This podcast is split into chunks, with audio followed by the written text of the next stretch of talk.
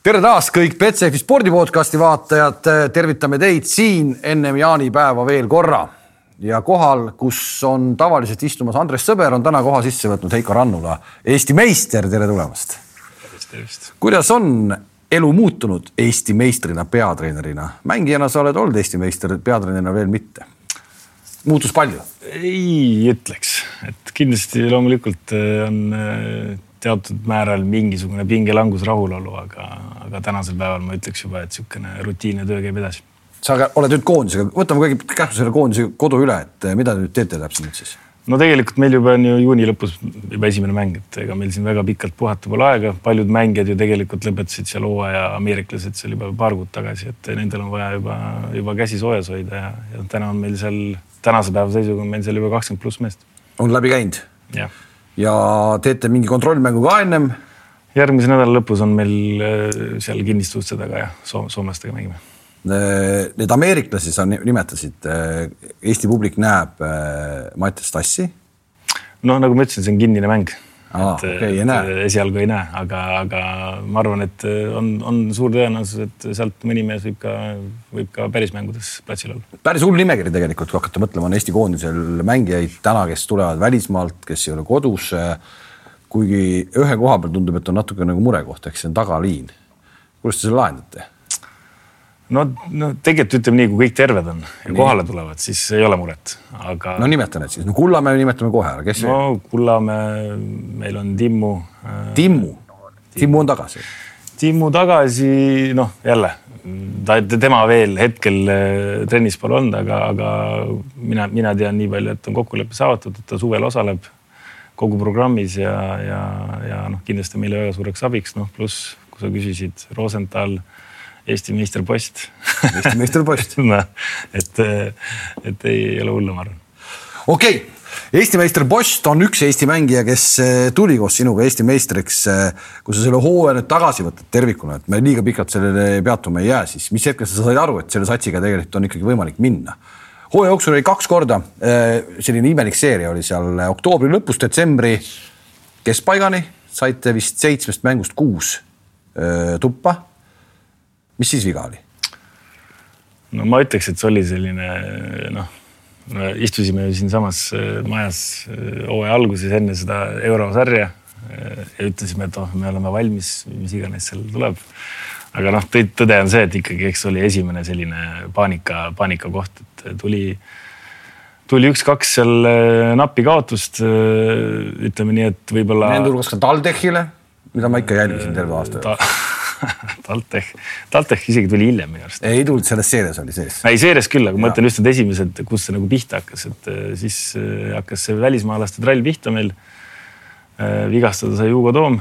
ja, ja ütleme ausalt, et see meeskonna keemia, see läks natuke käest ära, et et olime, olime hädas, mõtlesime seal natukene võib-olla üle ka, kartsime nii-öelda, et mis, mis saab kolme-nelja kuu pärast võib-olla ja, ja ja hätta, hätta jäime nii-öelda tegelemisega, mis, mis täna nagu teha või homme, et, et see hooaeg normaalselt nagu edasi minna, et ma arvan, see oli see paanika koht, mis mõjus nii mängijatele, treeneritele kui Johnile ja, ja võib-olla, võib-olla me ei käitunud kõige õigemini sel hetkel, aga, aga tagantjärgi võib öelda, et äh, samas jälle tegime äkki selle käigu piisavalt vara ära.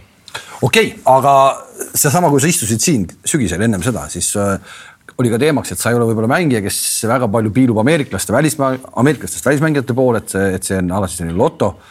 ja siis sa tegid need otsused ära, tõid mängijad, kuidas selline mees nagu Edogi jõuab äh, Pärnu meeskonda?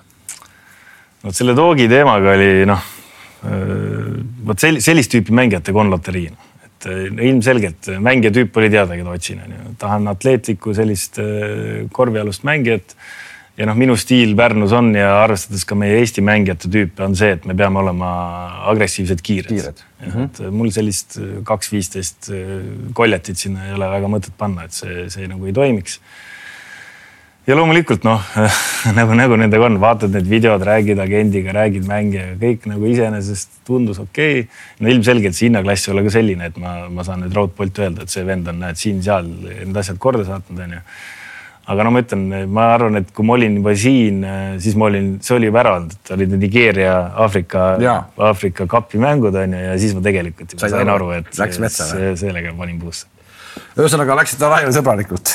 ei noh, ma räägin, eks see oligi see üks alge, kus meil need asjad nagu hakkasid liiva jooksma seal seal oktoobri paigus, et natuke läks aega, aga noh, see on jälle niisugune, kuidas ma ütlen, klubi korvpallis tegelikult see ei ole nagu haruldus, et noh, selliseid asju juhtub lihtsalt ma ütlesingi, et võib-olla natuke läksime liiga paanikasse, et oleks pidanud selle situatsiooniga natukene just teiste mängijate mõistes paremini käituma. ja siis oli märtsis vist oli järgmine ritakas eh, ainult vastupidises suunas. Eh, märtsi algusest aprilli alguseni üheksa võitu järjest.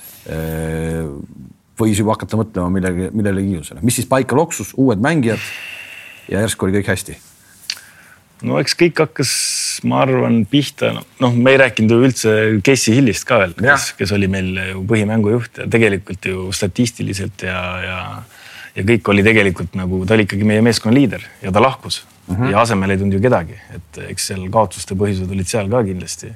ja need kaotused ei olnud mingid pakid meil, et me ikkagi olime mängus lihtsalt lõppudega seal noh, kasvõi see Tartu karika kaotus, mis oli, mis oli väga valus on ju, et ühesõnaga see selleks, aga, aga ma ütleks jah, see muutus hakkas pihta, ma arvan, äh, kui tuli Gilbert, et äh, noh, samamoodi jälle ma otsisin praktiliselt kaks kuud, ei tahtnud väga suurt riski võtta.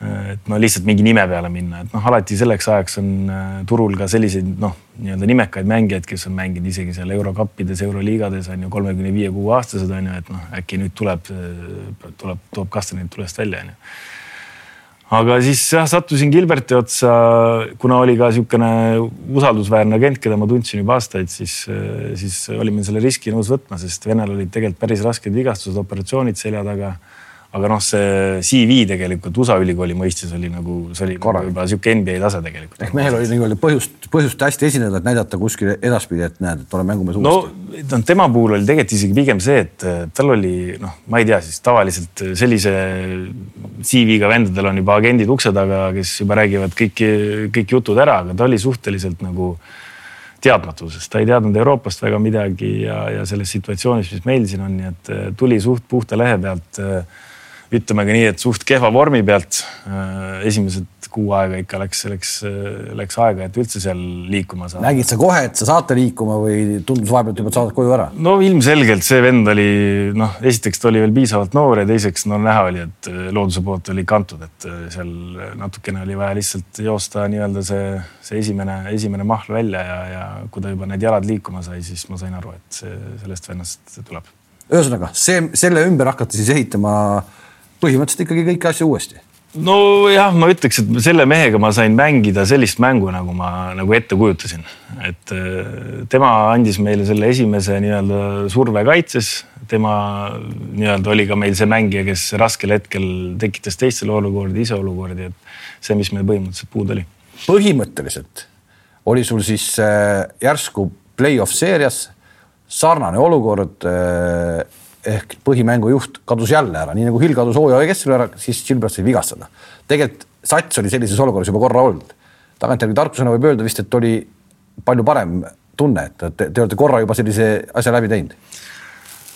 jah, ma isegi tuleks tagasi siin veel aastaid-aastaid, kus äh, mul oli samasugune olukord, äh, kus noh, siis oli veel Norman Käbi mängujuht ja ma mäletan, et mul oli põhimõtteliselt esiviisik oli seal, Kirves oli kolme peal sest mul kõik pikad mehed taga ei olnudki kedagi ja, ja, ja noh, seal tekkiski olukord, kus Kirves väga palju sai palliga nii-öelda seal toimetada, üle tuua ja noh, täna, täna ma saan. oli vaja seda? ja täna ma juba olen teda noh, meil on teatud liikumised juba, kus, kus tema tulebki palliga, et seda survet maha võtta ja nii edasi, et et see ei olnud meie jaoks nagu väga suur pauk selles suhtes on ju, et loomulikult, kui me vaatasime nagu rosterit konkreetselt, et Barnis langes ju ka veel enne seda välja on ju, et eks seda tulejõudu jäi kõvasti vähemaks, aga, aga noh, vastavalt jälle nüüd vastupidiselt jälle see, see meeskonna niisugune sisemine motivatsioon ja hing nagu see, see oli väga hästi nagu, nagu kokku kasvanud ja, ja eks need Graamo mängud andsid enesekindlust ka. miks oli seda Graamot ikkagi äh, kokkuvõttes teil suhteliselt ikkagi nagu, no miks nagu Graamo oli teil peos, miks see oli, ütle see põhjus noh, ma võin enda nii-öelda seisukoha pealt öelda, et eh, noh, ma olen nüüd viimase kahe aasta jooksul Stelmachersi vastu mänginud ikka no ma ei tea, kakskümmend pluss palju seis on? kakskümmend pluss, ma peast ei tea. no tead ikka? ei tea ausalt, see aasta ma tean, et me jäime plussi, eelmine aasta ma arvan, me jäime miinusesse, aga, aga noh, me olime siis ka mängus ikka päris palju, et. no saite kätte ka mõne? saime kätte ka, nii et eh, noh, esiteks ma ütleks, mida kõrgema taseme meeskond, seda loogilisemalt korvpalli mängivad, onju ja, ja mul on alati olnud niisugune filosoofia mõtlemine, et noh kui sa lähed mängima tugevama satsi vastu, sa pead mingid riskid võtma, onju noh. ja teistpidi siis ongi, Stelmachers mängib suhteliselt äh, loogilist korvpalli. mida mina arvan, et ma nagu sain aru, mis ta teha tahab just rünnakul onju. ja ta liiga palju nagu ei muuda, et, äh, et ta jääb endale kindlaks, ta usaldab väga palju oma tagamängijaid ja, ja ma arvan, et me suutsime seal äh, mingid asjad läbi hammustada ja, ja lõppude lõpuks need toimisid null kaks kaotusseisus olles äh, sa said aru, mida teha.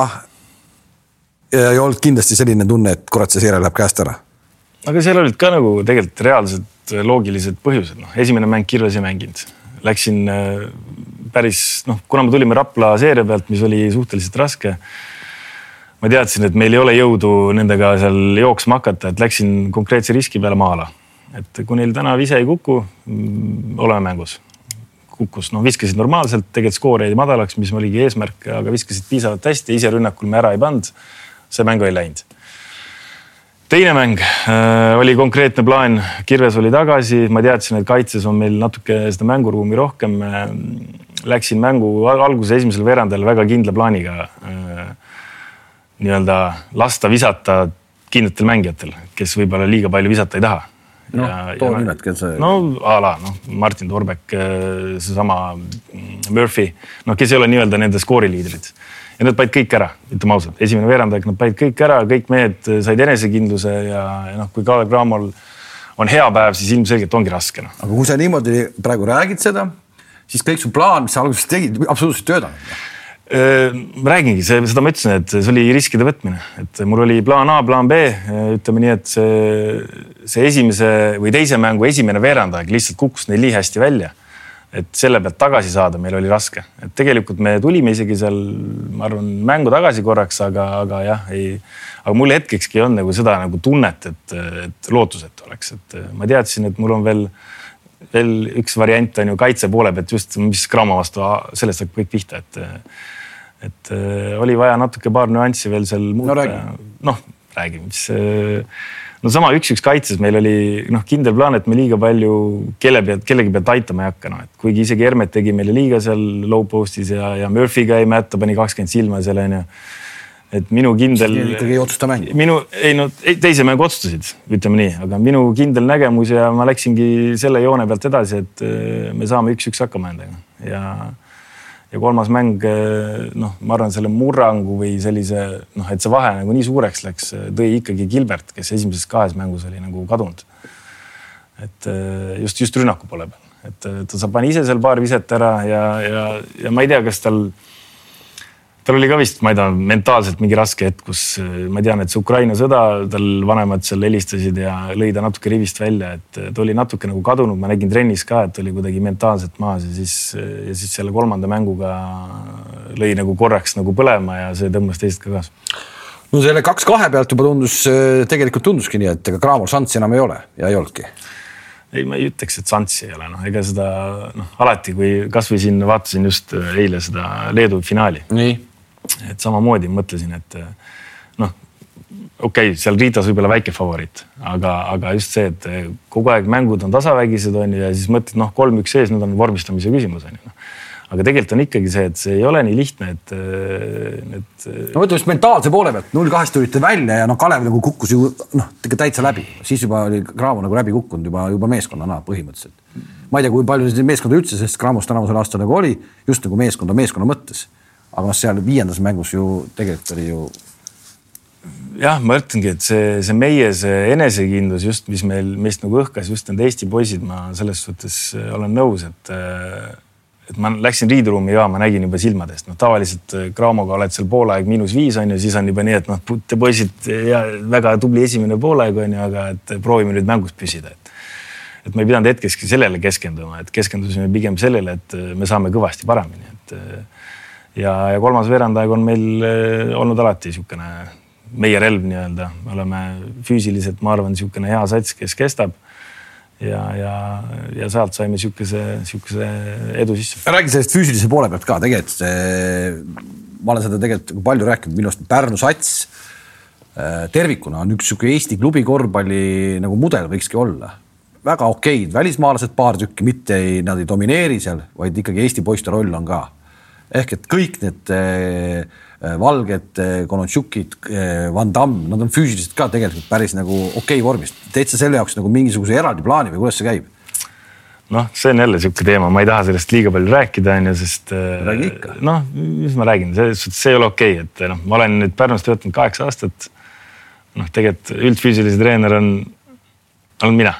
noh, no hästi, et loomulikult seal on äh, väga palju asju, mida ma teen puhtalt nagu enda kogemuste ja tunnetuse pealt ja, ja palju on ka siukseid riskikohti, et ma ju täpselt ei noh, ma ei ole ikkagi, ikkagi spetsialist, et eh, loomulikult eh, aastad on õpetanud üht-teist ja kõike, aga, aga noh, ma ei näe, et see oleks õige, et eh, ma olen videomees, üldfüüsilise mees. seda me jõuame kõik rääkida. ja nii edasi, et aga siiamaani jah, ma olen, ma olen usaldanud oma sisetunnet ja kuna mul on mängijad ikkagi paljud ka sellised, keda ma tunnen nii hästi, noh nii seest kui väljast, et ma tean ka, et kuna natuke nuppu vajutada, kuna, kuna lahjem, lõdvemaks lasta, et et see on ka aidanud, et aga, aga noh, kui sa mul küsid nüüd konkreetselt, et kuidas nüüd on nii, et tundub Pärnu füüsiliselt hea või kiire või mis iganes on ju, et. aga on ju, see visuaalselt näha. ei, ja, kui ma ütlen, kui ma treenerina alustasin, siis see oli mu esimene niisugune nagu, niisugune nagu eesmärk ja asi, millele ma väga rõhusin just needsamad kirved, valged, kes mul olid seal alguses, et äh, väga palju esimesed asjad olid just need esimesed kolm sammu, kui sa saad laua kätte, kuidas joosta samamoodi kaitsesse, et äh,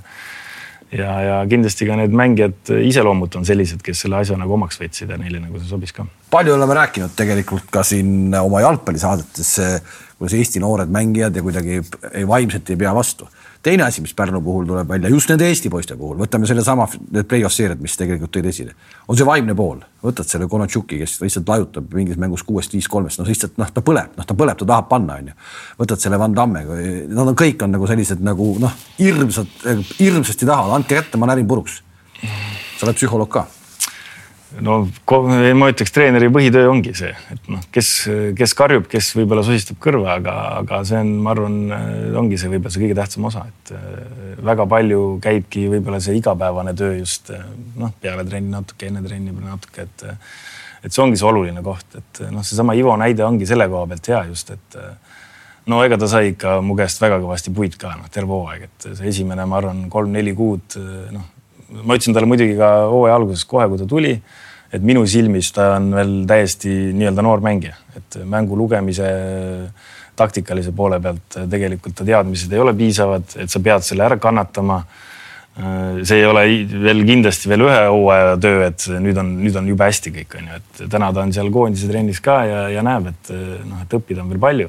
aga just see asi jah, et, et see tahtejõud, see rutiinitaluvus ja kannatad ka, kannatad ka selle kriitika ära, et see on minu jaoks hästi tähtis ja, ja üldse Eesti mängijate puhul äh, ma olengi väga palju jälginud selliseid mängijaid, kes, äh, kes mõtlevad kaasa, kes kannatavad kriitikat ja on, on valmis ja nõus ka nagu enda, enda nõrki külgi analüüsima, et et väga lihtne on ainult seda kiitust kuulda, on ju, et noh, nagu see hea näide oli ka Konatšuki puhul, et Gert, Gert Kullamäe ütleb, on ju, peale seda teist Graamo või no ütleme siis viimast Graamo mängu, kui ta oli kaks mängu üle kahekümne pannud, et Eesti parima käega vend on ju noh ja siis. Äh, kukkus kokku. ja siis kukkus kokku noh, et isegi trennis ei saanud sisse enam noh, et see ongi sellele näide, et ma kogu aeg poistele ütlen, et noh, see poiss ütleb, sa ei kiida üldse, et kogu aeg on mingi see halvasti, too halvasti, ma ütlesin, et ei tohigi kiita teid et äh, kiitus tuleb siis, kui hooaeg on läbi. Neissaari poiss, sa oled Neissaari poiss, Neissaar, Neissaar ju ka ei kiitnud väga. ei, ei ah?, ei, ei. no tol ajal treenerid no, kiitsid üldse. no mina olen Neissaare, Neissaare kõrval muidugi ikka all, all hiireke et ma, ma räägin ikka väga viisakalt, aga, aga ei, põhimõtteliselt küll jah, eks, eks lõppude lõpuks ju kuskilt olen ka mina nii-öelda arenenud ja kuskilt on minu need eeskujud ja, ja need maneerid välja tulnud, nii et jah, sarnased suhtes. kelle vastu sa miinusesse jäid see aasta? Mm.? Eesti satsil. Eesti sats Viimsi, ma arvan jah. just. ei tulnud välja. kas see, et Viimsi ei saanud finaali, oli natuke kergendus ka? oli Viimsi oleks keerulisem sats olnud mängida kui Tartu? no ma jälle liiga palju seda üle ei tähtsustaks, seda põhiturniiri osa, et loomulikult, kui me räägime Eesti-Läti finaalturniirist. Me olime tegelikult kaks võrdset satsi, Viimsil väga korralik esiviisik, paar venda pingilt, kogenud vennad olid meil ebamugav vastane, ma ei, ma ei vaidle vastu. aga, aga konkreetselt rääkides Eesti-Läti liiga, siis noh, seal oli ka üks moment, kus me olime kolm-neli minti enne lõppu seitsmega ees, ühe rünnakuga seitse punkti, noh juhtub selliseid asju, et et ega meil kordagi rongi alla ei jäänud, aga nad olid meie jaoks ebamugav sats. kuidas sa ise, kui sa ütlesid, et mängijad peavad nagu taluma siis kriitikat ja, ja selle nii-öelda läbi elama ja selle vastu pidama ja kõik muud jutud, kuidas sa ise, kui sa üks aasta karikas seal saad Tarva käest, on ju, siis on jälle karikas, jälle karikas, sa ei jõua kuhugi, ega selles mõttes karikas on suur võimalus midagi võita Eesti klubil, eks, et meistritiitel me ju teame, kellele tavaliselt läheb, eks. et karikas on see, kus, kus võib juhtuda jälle said tappa, siis lähete Läti play-off'i, ei tule jälle välja. et kuidas sa ise nagu mingi hetk mõtlesid, et kurat, äkki ma ei saagi nagu neid otsustavaid mänge, siis kui mängud on otsust, noh, otsustamise kohad on. aga see ongi treeneri karjäär, et eh, ma ei ole hõbelasükas suus sündinud, mulle ei ole antud kohe, et näed, võta see supersats ja, ja võida, on ju, et eh, et ma arvan, ma olen oma need nähvakad kätte saanud ja teistpidi võttes ka mängijad, ma arvan, need Eesti mängijad, kes minuga on olnud, on samamoodi ikkagi nendest kaotustest õppinud, et need näod on ikka valged olnud korduvalt ja korduvalt ja siis mõtled, on ju, et mis ma siis võiks teistmoodi teha, on ju, et kas ma jälle keeran seda kruvi liiga palju või või noh, nagu ikka, samamoodi võime siin rääkida isegi kõrgemal tasemel. Eesti koondis läheb Riia EM-ile on ju, kohe mingid paraadid, värgid on ju. meil oli samamoodi noh meie jaoks oli see suur asi, me tegime väga korraliku põhiturniiri, ootused olid kõrgel. noh, iga päev räägiti juba seal fännid, armeed kohal, värgid-särgid on ju, see tõmbas ikkagi põhja alt ära ja, ja noh, kokkuvõttes peab ütlema, et nii, nii, nii mängijatel kui treeneritel on ju, et samamoodi see Rakvere noh sellest muidugi räägiti, ma arvan, liiga palju, et see oli lihtsalt üks ebaõnnestunud mäng ja. see näitab, see näitab, millist, kui palju teilt ikkagi oodati. no aga see ongi see, et jälle mina ütleks selle niipidi, et, et see põhiturniir võib-olla mängisime isegi üle ootuste. on ju, ja siis eh, nii seestpoolt kui väljaspoolt tuli see, see surve ja ootus, on ju, millega me siis lõpuks hakkama ei saanud, on ju. et eh, tegelikult ma ütleks, eh, sama oli eelmine aasta nagu terve põhiturniir on ju, me olime seal teised-kolmandad isegi seal Eesti-Läti liigas noh, ja siis tuleb äh, esimene veerandfinaal Tallinna Kalev ja olime täitsa hädas ikka noh, et see, see. siis, siis hakkaski tekkima mulje, et nii kui kevad on käes ja play-off'id algavad, siis äh, Pärnu, Pärnu laguneb.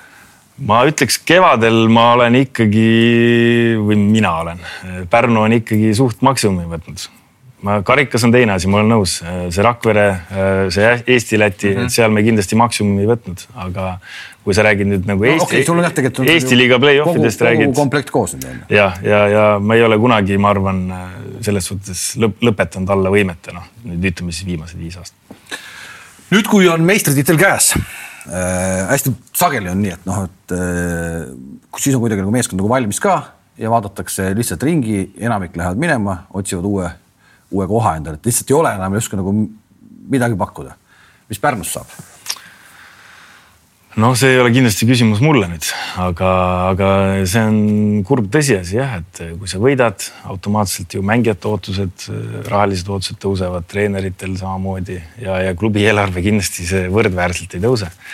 ja, ja need liigad, kuhu tahaks mängima minna, need eeldavad, et see tõuseb, on ju, et, et see asi balanssi saada nõuab väga suurt tööd ja, ja teistpidi ma ütlen ikkagi, ma olen seda varem ka öelnud, et miks Pärnu täna siin on, kus ta on, on sellepärast, et me ei ole nagu üle, üle oma varju hüpanud, et oleme siiski suutnud õigel hetkel võib-olla tajuda ja, ja mõtestada, et noh, see ei ole päris meie tase veel, et võtame rahulikult ja, ja ma arvan, täna on seesama seis, et tuleb kokku või tuleb maha istuda väga põhjalikult need asjad läbi mõelda, kas, kas äh, meie võim on seal või ei ole, et jumala eest ei läheks. Äh, no ma ütlen, eelmine või see hooaeg algus oli natuke juba näide, kus äh, natuke jäi mätta ehk seesama oli natuke suur tükk minna eurosarja mängima. no suur tükk eurosarja just noh, see, see sellega kaasneb kõik, et see ei ole ainult see, et ma ei tea, see mängukulu, reisikulu, see korraldamise kulu, et seal on täpselt see, et kuidas sa komplekteerid seda meeskonda mis tüüpi mängijad sul tulevad, on ju, kas su organisatsioon on üldse valmis selleks, et sul tuleb juba kõrgema tasemega mängija, on ju.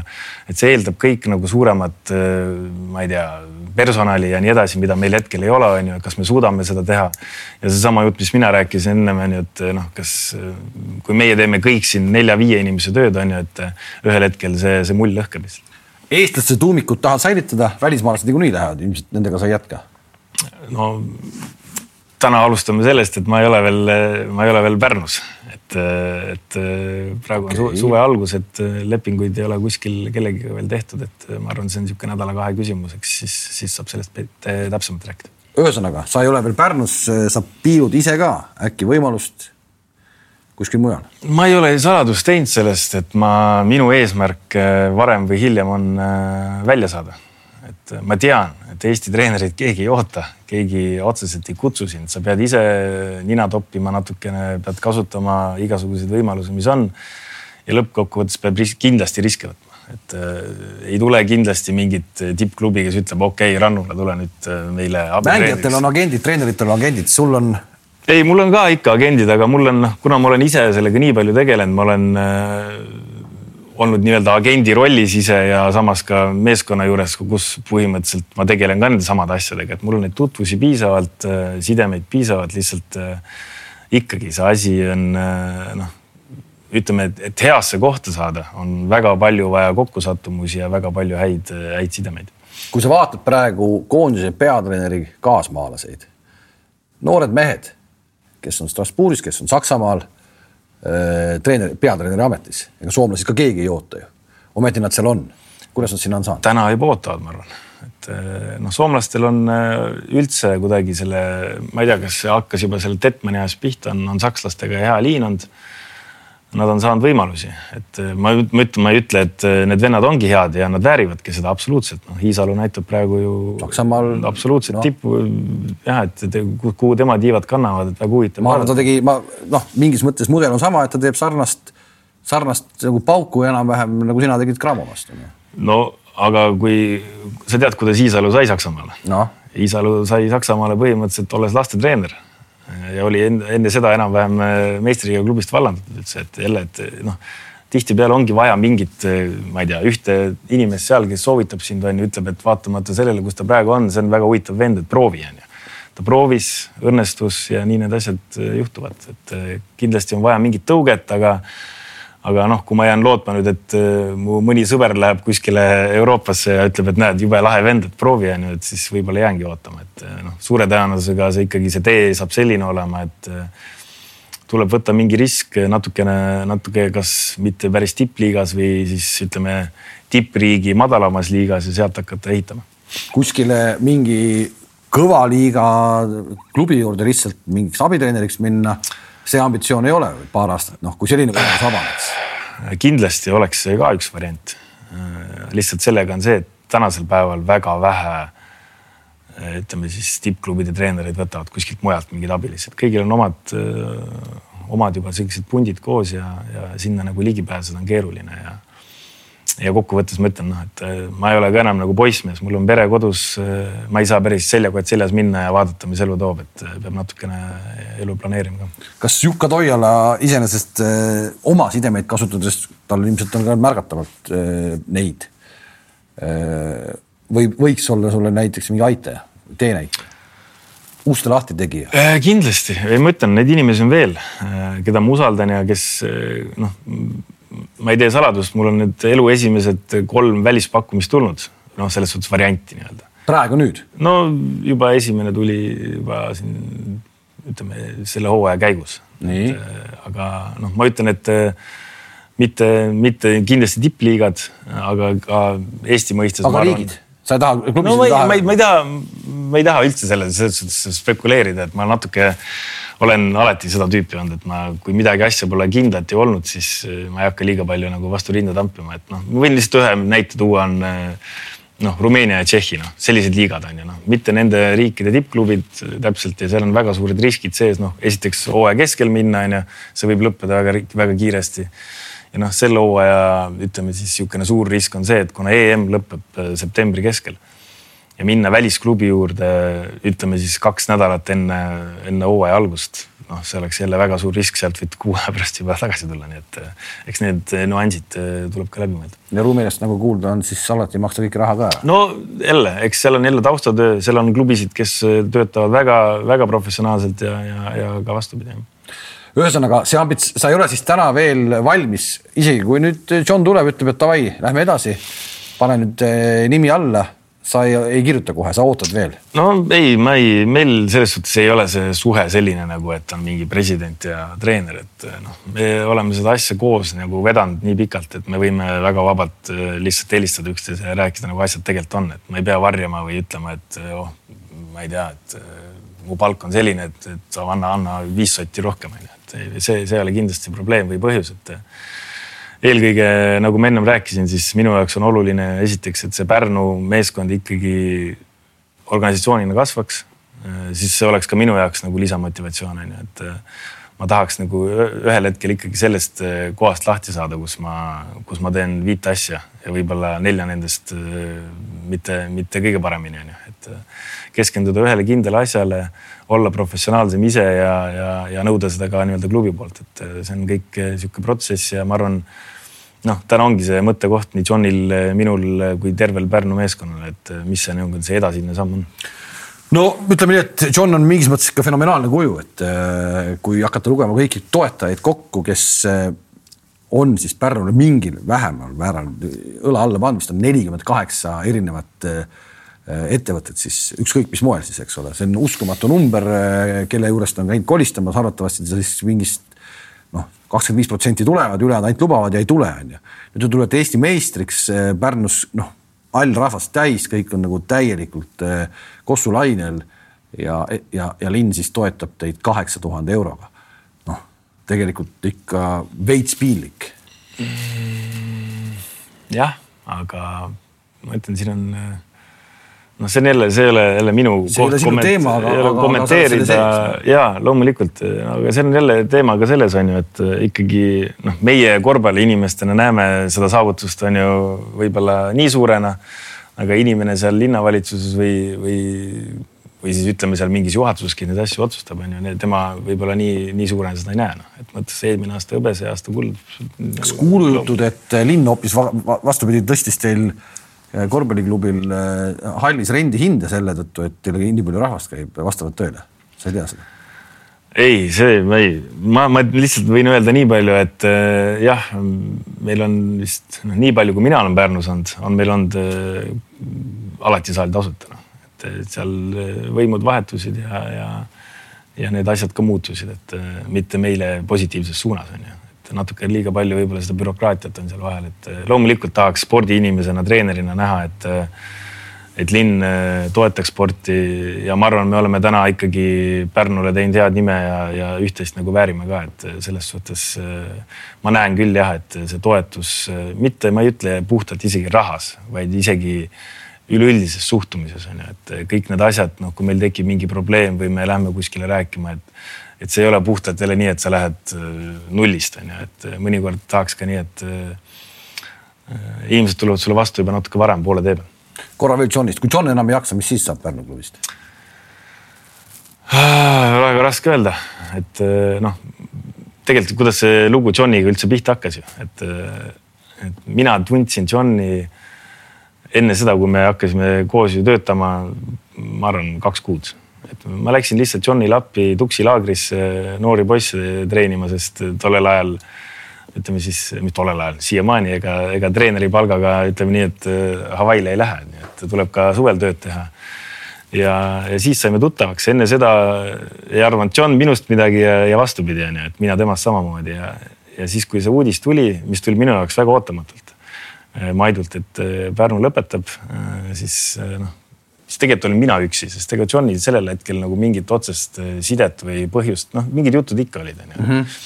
aga see, et see järsk lõpp niimoodi tuli ja siis ma võtsin lihtsalt Johnile kõne. teeme ära. et äh, noh, teeme ära, et äh, põhimõtteliselt, et sina oled see viimane õlekõrs, noh. mul tegelikult, oleme ausad, no ega, ega mingeid ootusi või noh, ma ei teadnud no.. loomulikult inimesena me klappisime, kõik oli okei okay,, aga aga jah, seda juba ma nägin seda juba esimesel paaril kuul just äh, seesama, millest sa rääkisid, see nelikümmend kaheksa sponsorit, et see, kuidas see mees suudab äh, musta-valgeks rääkida. et no see on no,. no tuleb tunnistada, et tänast lõpptulemust vaadates ei pea musta-valgeks rääkima. ei, seda küll. kõik ongi puhas. seda küll, aga ma ütlengi, et kuidas seda asja üldse nagu alguses nagu minema saada, noh ja see, ja see energia, mis sealt seest tuleb, et see ongi tegelikult see kõige olulisem asi, et väga lihtne, ma ütlen, see noh, kes seda teinud on, seda, seda ametit, seda raha ajamist Eesti, Eesti spordis teavad, et väga lihtne on alla anda, et see on, see on niisugune alandav töö mingil hetkel, mingil hetkel lootusetu on ju, et, et seda nagu edasi panna. müts maha. ühesõnaga, kui ta üks päev ütleb, et ta enam ei jaksa, siis on päris paanikahetk noh, eks ta seda seal emotsiooni pealt ütleb ülepäeviti et, et aitab, onju. aga ma arvan jälle nähes Johni, et kui need positiivsed emotsioonid tulevad, siis jälle ma arvan, see annab talle jälle sihukest eh, kõvasti seda energiat juurde, et eh, ma usun, et ta ei, ei kao kuskile. kuidas sa ei ole siis äh, suutnud füsiot endale ära rääkida? füsio on olemas no üldfüüsilise treeneri. üldfüüsilise treenerit. üldfüüsilise treenerit ei ole suutnud ära rääkida endale, siis sa ei ole suutnud ära rääkida videolõikajat endale, ise lõikad. mida Kullamäe teeb seal? Kullamäe, noh, ma ütlen jälle, see on niisugune väga raske on nagu seda nüüd konkreetselt sulle öelda punkt punkti haaval, et äh, Kullamäe on minu jaoks väga oluline, et äh, esiteks temal on sellised äh, isikuomadused, mida mul võib-olla vähem võib-olla, mida, tema on kindlasti emotsionaalsem, mina vähem. Äh, ta on kindlasti niisugune väga hea suhtleja. tihtipeale noh, ongi see, et ma tulen trenni nimelt natuke hiljem kohale. ta on juba soojaks läinud. ta on seal juba selle ringi teinud ja jälle niisugune, see on nagu tema väga-väga tugev külg, et äh, pluss äh, on ta niisugune positiivne inimene. ja veel, veel üks väga suur pluss ongi see, on ka see, et, et ta on ka ikkagi tulest veest läbi käinud, et äh, on hetki, ma ei ütle konkreetselt, et nüüd, et äh, kas ma ei tea, teeme selle pick and roll'i siin või seal, see ei olegi küsimus. küsimus on pigem see, et needsamad äh, sellised noh, kuidas ma ütlen siis siuksed nagu niisama otsuse kohad, noh, et mingil hetkel on ju, annab lihtsalt ühe, võib-olla kahe sõnaga head nõu ja sellest piisab no Gert on mees, kes eh, noh, väga selgelt ütleb ära, tema videosid ei vaata, tema neid lõikama ei hakka, eks ole, sina teed seda. Eh, nagu kuulda, siis sa oled valmis tegelikult põhimõtteliselt mäng lõpeb, sa tuled bussi, paned juba mängu, paned juba uuesti mängu käima, hakkad seda läbi vaatama, et nagu noh, selge töö narkomaan nagu. üks asi narkomaan, teine asi, see, see rahustab mind. et kui ma mängija olin, siis, siis ma ei suutnud seda teha, aga treenerina mul on lihtsalt jälle, mul on, kui mäng saab läbi, mul põhimõtteliselt jookseb ju terve see mäng on ju peast läbi ja siis lihtsalt mingid kohad sa tahad üle vaadata, et endas nagu rahu saada. ma ei ütlegi, et ma nüüd hakkan juba mõtlema, kuidas ma ei tea, teha järgmises mängus või midagi, see on lihtsalt minu enda rahustamiseks. sest kui ma ei vaata seda mängu, siis, siis ma suure tõenäosusega äh, silmad lahti magan terve öö, nii et äh, sellel ei ole ka pointi. oled sa jätnud mõne mängu, no ütleme eelmisel hooajal järgi vaatamata? kindlasti on läinud? ei, kindlasti, kindlasti, ei no ei, ma ütlen ei, kindlasti on lihtsalt, on teatud mängud, milles, milles jäävad mingid väga suured asjad kripeldama no.. mina olen enda ise kõige suurem kriitik, et ma pigem isegi vaatangi just enda vaatenurgast neid asju esialgu. ja teist korda ma vaatan läbi juba meeskonna nii-öelda seisukohalt ja siis juba, siis juba lõikan, et esimene vaatamine on pigem just selline, et vaatan need mingid murdekohad võib-olla üle ja, ja midagi sellist nüüd ei ole, et ma nüüd kohe lahti ja vaatan kaks tundi hästi-hästi piinlikult. No üks mees, kes veel videosid kunagi ei vaata, istub tavaliselt siin sinu koha peal. Andres Sõber, ma ei tea, kas. minu suurim fänn jah, ma tahangi küsida, et, et millega sa vanameistri välja vihastanud oled? noh, ma arvan, eks see asi sai alguse minu äh, pikast karjäärist Rakvere Tarvases, et äh, no ma arvan, me oleme lihtsalt erineva veregrupi inimesed. ma liiga palju sellest võib-olla ei olegi mõtet rääkida, et noh, kõigile inimestele kõik inimesed ei klapigi, ei peagi klappima. ma arvan, noh, meil see lühike suhe, mis meil oli seal Rakveres, võib-olla ei lõppenud kõige äh, meeldivamalt ja, aga ma ütleks samas, et ega see on jälle natuke niisugune noh, Andrese nöökimine, et ega meil mingit tõsist äh, teemat ei ole seal, et ega me omavahel liiga palju ei suhtle ja, ja kui me näeme, siis me teretame ja, ja suhe on normaalne. nüüd, kui sa oled Eesti meister, sa pole saanud temaga kohtuda, sest et ta on Ameerikas mm.. aga lähed ja ütled, et tere, Andres ei ikka, ei, ma ütlen talle tere, Andres, niikuinii. ei, ma mõtlen lihtsalt nagu et.... kui me kokku saame, me vaatame silmast silma ja me räägime lihtsalt, äh, lihtsalt kuidas ma ütlen siis, tema ei ole minu talendi kõige suurem austaja ja, ja vastupidi. okei okay. äh,, kelle talendi austaja sa oled treeneritest, äh, kelle käekirja sa äh, jälgid?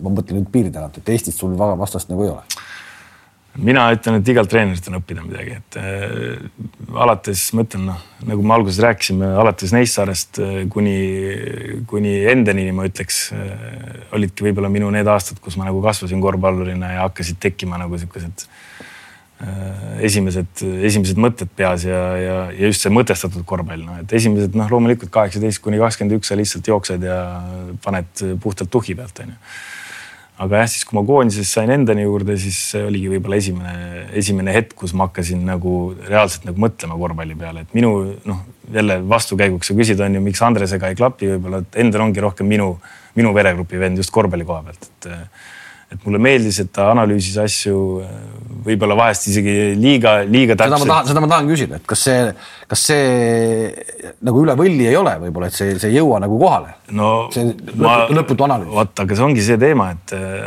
on erinevad mängijad, et kindlasti teatud mängijatele, noh, ma näen seda ka omast käest, et teatud mängijatele see ei jõuagi kunagi kohale.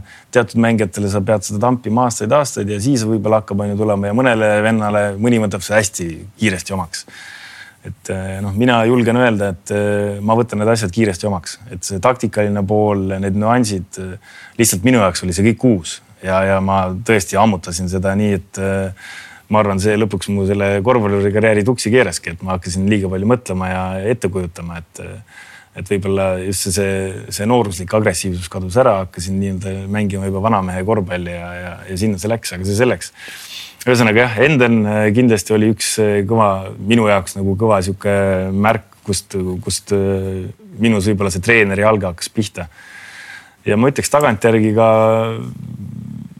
ka Tanel Tein, et noh, Tanel Tein kahtlemata on, ütleme täielik talent selles suhtes just nagu aju mõttes, et kuidas ta mängust aru saab ja palju asju näiteks, mida ta rääkis, noh, kui ma mängisin, ma olin seal kakskümmend onju ja neid asju alles ma hakkasin aru saama võib-olla, kui ma olin kakskümmend seitse, kaheksa, et kurat, ta tegelikult rääkis õiget asja. tollel ajal tundus, et see oli mingi ilkumine onju, et no kurat, jälle sa ei tee onju noh. siis mõtled, aga sa ise ka ju ei tee onju noh. aga noh, temal oli see nupp onju, et kui oli vaja mängida, siis ta mängis, aga noh, minul tollel hetkel enam ei olnud. Okei okay,, Tein tegi ju siin tänavusel aastal äh väga palju sõnavõtte Tartu teemal, kui halvasti see on. Äh, panni pidi lakkuma pärast ja, ja nii edasi, et äh, ei, ei, siis ei ole kõige targem, kõige targem aju. ei noh, teistpidi no üks, mina, ma räägin konkreetselt see, et kui ma olin trennis Teiniga koos on ju, mis, mis infot ma sealt sain ja palju, palju see mulle võib-olla elus lõpuks äh, nagu mõjutas mind ja kasuks tuli, et täna, mis ta teeb, on ju, see on hoopis teine teema, et, et ta on tegelikult päris pikka aega korvpallis teemal olnud ja võib-olla kõiki neid asju veel päris täpselt ei taju ka, et kuidas need mehhanismid käivad, aga, aga vähemalt tundub, et on asjast huvitatud ja, ja. väga huvitatud, tundub, et on väga huvitatud ja, ja, ja tegelikult on ju vaja, et oleks sellist äh, nii-öelda hoiaks särtsu sees, tuld all nii-öelda. ei no alati on, aga noh, seal on jälle vaata, igaüks vaatab oma etteotsast, et et kui ta ikkagi liiga palju kritiseerib mingeid asju, võib-olla mida ta kõige täpsemalt veel ei tea, on ju, et siis on jälle siuksed tekivad võib-olla väiksed konfliktid, aga, aga võib-olla see konflikt on vajalik, kes teab võib-olla tõesti on see vajalik ja võib-olla sellepärast Tartu võitis ka karika, et äh, natukene, natukene taga, tagakuklus oli see ka äh,. aga välistreeneritest, et no ma tean, sa ju tegelikult noh, sa vaatad kõike mm -hmm. sporti, sa ei vaata ainult kossu, sa vaatad ka noh, muid pallimänge, kõike sporti, eks, aga välistreeneritest noh, Euroliigast võtame siin. kes need on, kes siin nagu võluvad? vot jälle ma olen seda tüüpi vend, et ma vaatan ka nagu mängu, ma isegi kui ma alguses olin, siis ma vaatasin hästi palju hästi konkreetselt nagu näiteks, kes mis liikumist teeb, kes kuidas rünnakul teeb, kaitses teeb. täna ma vaatan juba rohkem seda kehakeelt või seda, kuidas nad reageerivad mingites olukordades, et. et mulle meeldib äh, Pablo Lasso väga äh, just selle koha pealt, et äh, vahepeal tekib mul endal ka küsimus, et mida kuradit, et ta vahetab viisikute kaupa seal ja teeb mingeid väga imelikku asja onju aga teistpidi see, kuidas ta jälle mingil hetkel nagu täiesti üllatab ja niisugune nagu natukene on sammuke ees, et mulle ta meeldib ja see just see kehakeel ka tal. teistpidi ma ütleks, et ma mingil määral sarnanen ka Jassik Jäävitsusele selles suhtes, et ma, mulle, ma olen ka nagu see natuke see nüansifriik, et äh, mingeid pisiasju võib-olla. detailid nagu. detailid jah, et, äh, et neid ajan, aga, aga noh, ma ütlen igast ühest natukene noh, pluss äh, ma olen, ma arvan, üks väheseid Eesti treenereid, kes ka NBA-d jälgib, et mis iseenesest on kummaline on ju. noh, iseenesest on kummaline, et no see on mul juba lapsest saati olnud, et äh, täna võib-olla ma vaatan nagu play-off'e nagu mitte niivõrd äh, põhiturniiri, aga, aga seal on samamoodi mul äh, siuksed, ma ei saa öelda nüüd, et eeskujud, aga inimesed, keda ma vaatan ja, ja, ja sealt on õppida küll. Gerr.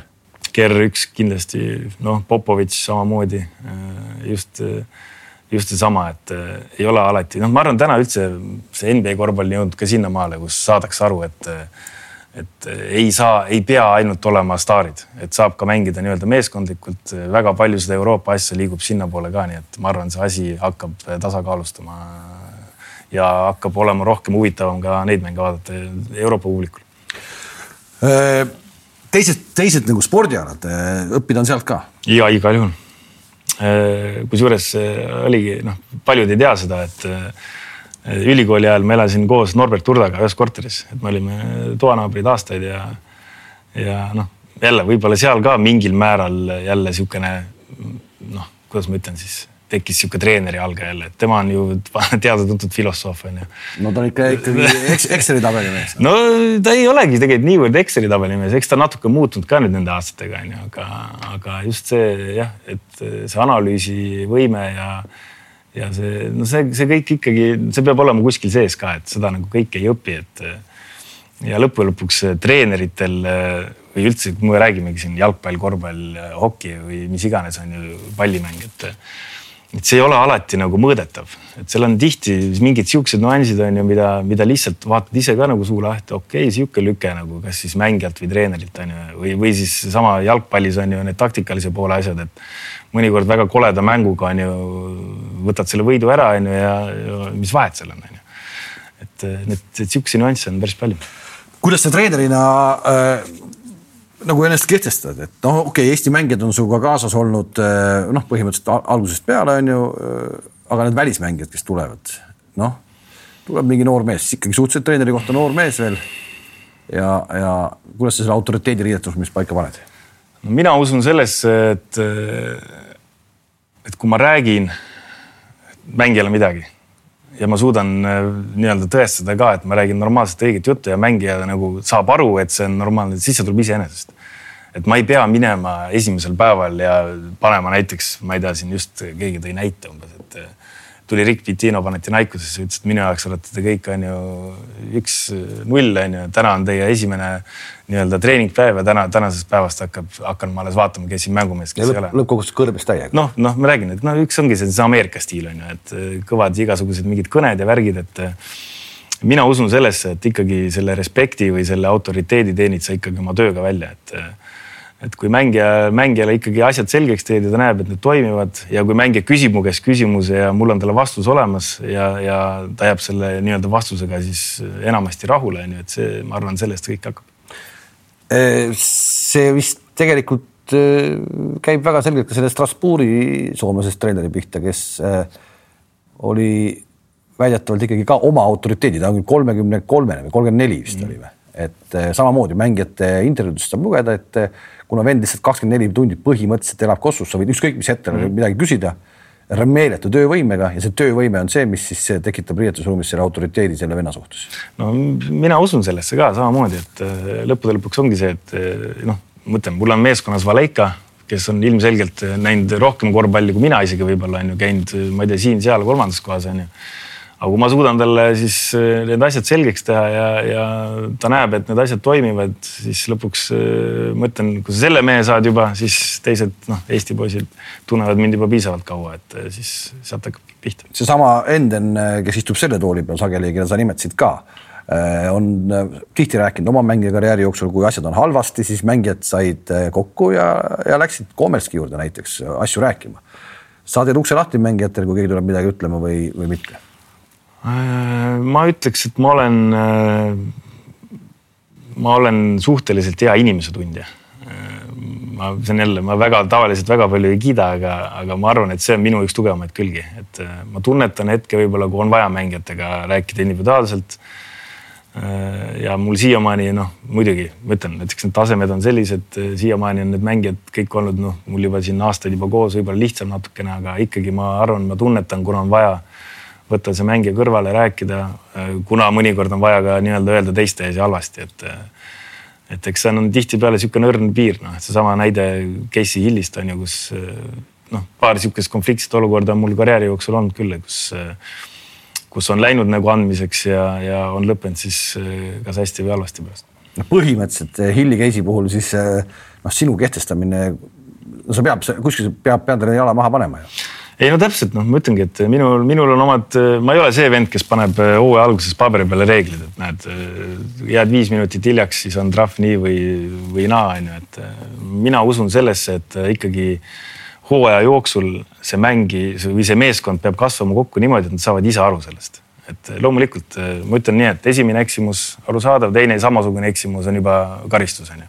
aga just seesama noh, mida ma, mida ma nagu hindangi just eriti oma meeskondade juures ongi see, et meil lõpuks on tekkinud see arusaamine, et et a la, ma ei tea, välja. et keegi ei ole sunnitööl no.. ja keegi ei ole sunnitööl ja a la välja lähme siis, kui on selleks minemisaeg, on ju, et kõik saavad aru, et me teeme seda asja mingi, mingi asja pärast, on ju, mitte nii, et, et saaks nüüd see hooaeg läbi, saaks raha tasku ja, ja, ja, ja vaatame edasi, mis saab. sul on mängija karjäär ka selja taga, mängijana Eesti meistriks tulnud ka, kui palju noh mõni treener on ju selline, kes ei ole mängija, sa oled mängija, mängijana ka olnud, kui palju see nagu aitab, peab olema mängija taust? Mina usun, et see aitab. Loomulikult alati on erandeid, ei ole õiget ega valet, ma ütlen, on väga-väga erinevaid treenereid, noh. Rääkides Iisalost on ju, või võrreldes siin, ma ei tea, Pablo Lassoga, no kaks täiesti erinevat on ju. Või võrdle Andres Sõpra ja mind noh, näiteks. Et edu on võimalik saavutada erineval moel, aga mina arvan, et see mängija kogemus aitab ja noh, minu puhul oligi see, et ma olin, ma arvan, sihuke kakskümmend viis, kuus, noh, kui ma juba sain aru, et tegelikult, et minust enam nii-öelda seda mängumeest ei tule, keda ma tahan. et minu nii-öelda see tõus on juba läbi, et pigem on nool alla. ja ma reaalselt tegelikult võin juba öelda täna, et reaalselt siis ma juba otsisin seda nii-öelda erinevaid kogemusi, noh, käisin seal Soomes, Prantsusmaal, käisin Graamos, Tarvases on ju, et, et kõik need kogemused, ma arvan, lõpuks tulid mulle kasuks, et samamoodi olid mul Läti, Leedu treenerid seal Valgas on ju, mis võib-olla muidu mõtled, et noh, see oli maha visatud aeg on ju, aga aga need asjad kindlasti tulevad kasuks ja eriti need esimesed paar aastat, kui ma kui ma noh, kui sa mängijast kohe järgmiseks aastaks lähed treeneriks üle, on ju, siis väga palju räägibki see mängija on ju noh omast kogemusest on ju, noh, mis mulle meeldis teha seal. mäletan väga hästi, kus seesama kogemus oli mul Vaskisega, kui ta tuli Valka treeneriks. noh, see tuli üle päeviti umbes, et kurat küll, kuidas te sealt sisse ei viska, et noh, ma panin kogu aeg sealt ära umbes, noh, aga see ei tohi niimoodi, niimoodi välja näha. et sa pead leidma selle, selle umbes selle balansi kuskil ja lõpuks, lõpuks sa saad aru, et tegelikult noh, treenerina sa enam mängija olla ei või sa ei või minna sinna väljakule, et kuule, et kuidas te ei oska, ma nüüd teen nii või noh, et see, see on väga õrn piir seal, et kus tekib niisugune, tekib niisugune halb moment ja võib asjad väga halvasti minna. no on treenerid, kes ikkagi väga vanas eas veel mõtlevad, et nad on äh, heas vormis ja teevad trenne kaasa, et on ka selliseid näiteid vähemalt, äh, vähemalt siin Eestis.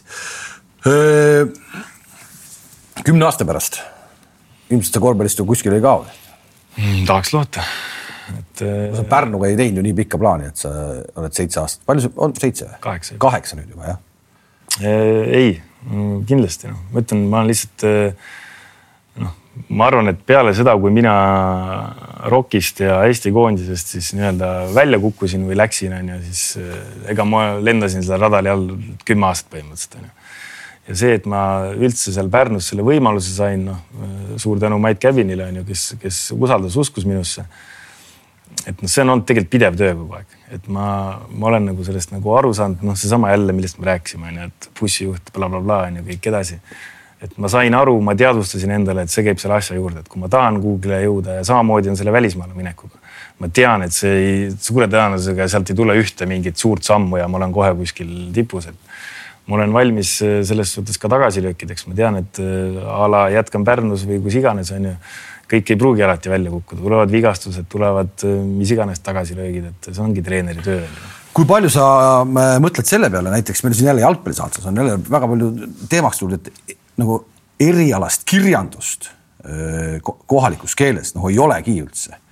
ega Kossus ka liiga palju treeneritel selliseid nagu teadmikke või õpikuid vist ei ole eesti keeles või on? on ikka, nüüd on, nüüd on jälle tehtud neid, aga noh, mina näiteks ei ole väga suur lugeja, just nagu raamatulugeja, noh, ma tean siin näiteks a la Annuk on, ma ei tea, terve raamatukogu läbi lugenud onju ja jälle ma ütlen, ei ole õiget valet, et tema ammutab oma, oma info sealt ja talle meeldib see ja võib-olla on ka see rahustab teda onju, noh, mina olen. katsetad kõik läbi ise? ma olen üks asi katsetan, teine asi, ma olen, ma olen videovaataja noh et ma vaatan erinevaid mänge hästi palju, ma isegi, isegi a la treeninguid mõnikord, et just mina olen see video, videopõlvkond. Ja sellega ma võib-olla silmad tuksi keeranud ka onju, aga see, see käib ameti juurde ja, ja ma usun sellesse. Ja no nagu sa ütlesid, et, et see ei ole ainult korvpall et äh, erinevad spordialad on ju, samamoodi, miks ma saan seda üldfüüsilist teha, on ju, on ka, ma arvan, see, et mind huvitab ka kergejõustik on ju ja, ja mitmed erinevad alad, et äh, ma arvan, et see, see, see areng ja kõik see on mitmekülgne. Ja see ja see korvpall tegelikult ongi selles suhtes hästi huvitav ala on ju, et seal on, see koosneb nii mitmest asjast, samamoodi see ei kordu kunagi on ju, et kogu aeg on erinevad asjad, nii et, et see on põnev ja, ja nagu sa ütlesid, kümne aasta pärast, siis no ma usun, et ma usun, usun ja ma loodan, et ma olen kindlasti seal veel. ehk siis äh, Eestisse jäämine tegelikult, ma praegu kuulan sind, on, olekski nagu juba ju talendi raiskamine noh, ma ütlen, see on treeneri töö, täna, täna me oleme Eesti meistrid, me võime rääkida, et ma olen tipus ja a la nüüd, kuhu järgmine samm minna, on ju, aga lõppude lõpuks on see, et treenereid Euroopas on tuhandeid. Seal sõltub väga vähestest asjadest, tuleb olla rahul sellega, kus ma olen, tuleb tänulik olla selles suhtes, et mul on kõrval sellised inimesed olnud, et ma nagu liiga palju veel vastu rinda ei tambiks, et et ma olen veel ikkagi veel noor treener ja, ja küll mul neid nähvakaid tuleb veel, mida tuleb, millest tuleb õppida. kindlasti tuleb, kõigil tuleb, isegi Jassikevitšil tuli ja, ja mitte vähe äh,. su mängijatest, kes sul sellel hooajal, ma olen kuidagi alati olnud natuke sellel, sellisest kuidagi nagu kuidas ma ütlen, võib-olla isegi natuke liiga julm öeldes, et Eestis Eesti mängija äh, edasi nagu kuidagi ei arene. Ja ma arvan, ma ei tee liiga kellelegi, kui ütlen, et Cramos tänavusel aastal ükski Eesti mängija sammu edasi ei teinud. Mm, vaidlen vastu. vaidled vastu, nii, kes tegi? Cramos, sammu edasi. mina ütlen jälle, see on muidugi puhtalt viimase kahe kuu pealt. Gregor Hermet. kes oli vahepeal täitsa augus. jah aga ma ütlen, et täna see juba see kehakuju, mis tal on, see on uus tase. Et kas see nüüd, kas me räägime nüüd konkreetselt, et see on Graamo pärast või mille iganes pärast, aga mina sellega nõus ei ole, et Eesti mängija ei arene Eesti liigas. ja seda ma tahtsingi öelda nüüd, et äh, sinu satsi eestlased, me olen täna nimetanud neid kõiki juba ja ka Post, äh, kes vahepeal oli ka justkui juba, on tegelikult ikka juba noh, sihuke nagu õlleliiga mm on äh, nüüd jälle koondises ja olnud mängumees, noh, ta, ta tassis ju ikkagi otsustavates mängudes ka. et kes sulle nagu endale kõige suurema sammu tegi sellel aastal satsis mm,? vaat seal, seal on nagu siuksed erinevad asjad, et noh, mina näen ju seda igapäevaselt on ju, et äh, noh, posti puhul või noh, ütlemegi siis juba mängijad, kes on juba seal koondise piirimail olnud, on ju, noh, ilmselgelt nendelt nagu mingit sellist sammu ei tule nagu Ivo Van Damme on ju, kes tuli mitte kuskilt ja, ja play-off ides oli täielik mängumees on ju mm. -hmm aga ma, ma näen just jälle siukseid väikseid, vot see on jälle, ma hästi palju näen nagu sihukesi võrdluskohti posti ja enda, enda karjääris nii-öelda, et, et see, seal on äh, mingid halvad harjumused jäänud äh, kuskilt noorteklassidest, millest on jube raske lahti saada ja millest noor mängija ise noh, mida ta ei taha tunnistada, onju noh et ma näen seal nagu sihukesi juba väikseid asju, mis, mis muutuvad, aga ikkagi. posti, postisugusel mängijal, kes täna on valmis mängija tegelikult vanuse mõttes, ta on valmis mängija ju. ja sa näed, et ta muudab ennast ümber. vot need on siuksed asjad, noh, ma toon näiteks eh, Robert Valge. noh, Robert Valge on eh, olnud siin juba, ma ei tea, aastaid-aastaid tegelikult korralik sihuke skoorimees Eesti liigas on ju, kõik teavad, jookseb kiiresti kõik on ju. aga kus on tema nagu taseme tõus või eh, sihuke noh, järgmine samm tundub puhtalt kaitse pealt. ja seal on võimelised kõik arenema selles suhtes, et seal on omad nüansid, see ei ole ainult tahtejõud, nagu meil arme, me kõik armastame öelda, et noh, kaitse on tahtejõud, et ainult taha ja siis tuleb, ei ole, seal on omad nüansid, kuidas kattest läbi tulla, kuidas, kuidas läbi joosta, kuidas sa reageerid teatud olukordades. kuidas sa suudad nii-öelda selle kontakti ära kannatada, kõik need asjad, kuidas kätega mängida, jalgadega ja nii edasi, et need on asjad, mida saab arendada aga see tuleb selles suhtes äh, paljudele mängijatele hästi raskelt, sest äh, nad tunnetavad seda, et, et see on nii raske töö ja seal võib-olla ei tulegi mingit nii-öelda seda, kuidas ma ütlen siis, auhinda nii-öelda noh, et seda võib-olla ei märkagi keegi onju. aga Robbie on selles suhtes näiteks hea näide, kes on sellest aru saanud. tal on tohutu töövõime ja mõtlengi, et noh, seda oleks nagu patt ainult rünnakule ära raisata, noh et äh, täna ma arvan, kui me räägime koondise seisukohalt, siis see on tema ainuke võimalus Euroopas nii-öelda pildile saada, kui ta on kaitses niisugune kivikõva vend väga tore oli sinuga rääkida tegelikult ka, et äh, ma soovin sulle väga suurt äh, nagu kordaminekut äh,. ma tahaks küll näha sind äh, kuskil piiri taga, sest et äh, see oleks ka mingis mõttes Eesti korvpalli ajalugu, et meil on mängijaid, kes on tippliigades olnud, meil on kohtunikud vilistavad Euroliigat, aga välistreenereid ju liiga palju polegi olnud. Jaak Salumets oli Salgirises kunagi noh, ja Soomes on käinud posu. okei okay,, Soomes ka jah, seda küll. Soomes ka.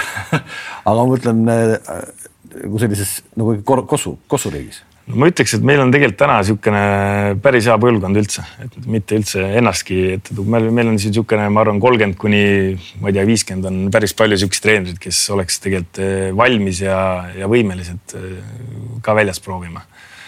et ma ütlen, võib-olla on vaja see, et keegi selle esimese sammu teeb võib-olla lõppude lõpuks tulebki ikkagi läbi närida ennast sellest ja, ja, ja kuidagi sinna jõuda, et aga kindlasti minu see eesmärk on. selge, aitäh sulle, et su eesmärgid täituksid ja ma lasen su nüüd siis koondise juurde tagasi, et ma saan aru, et õhtune trenn hakkab kohe peale. täna õhtust trenni ei ole, nii et. saad linna peale minna? saan linna peale minna. okei okay., aitäh veel kord, aitäh, et vaatasite. Eesti meister oli täna meiega siin ja loodetavasti siis varsti juba mõne, mõne muu Euroopa riigi meister korvpallitreenerina. aitäh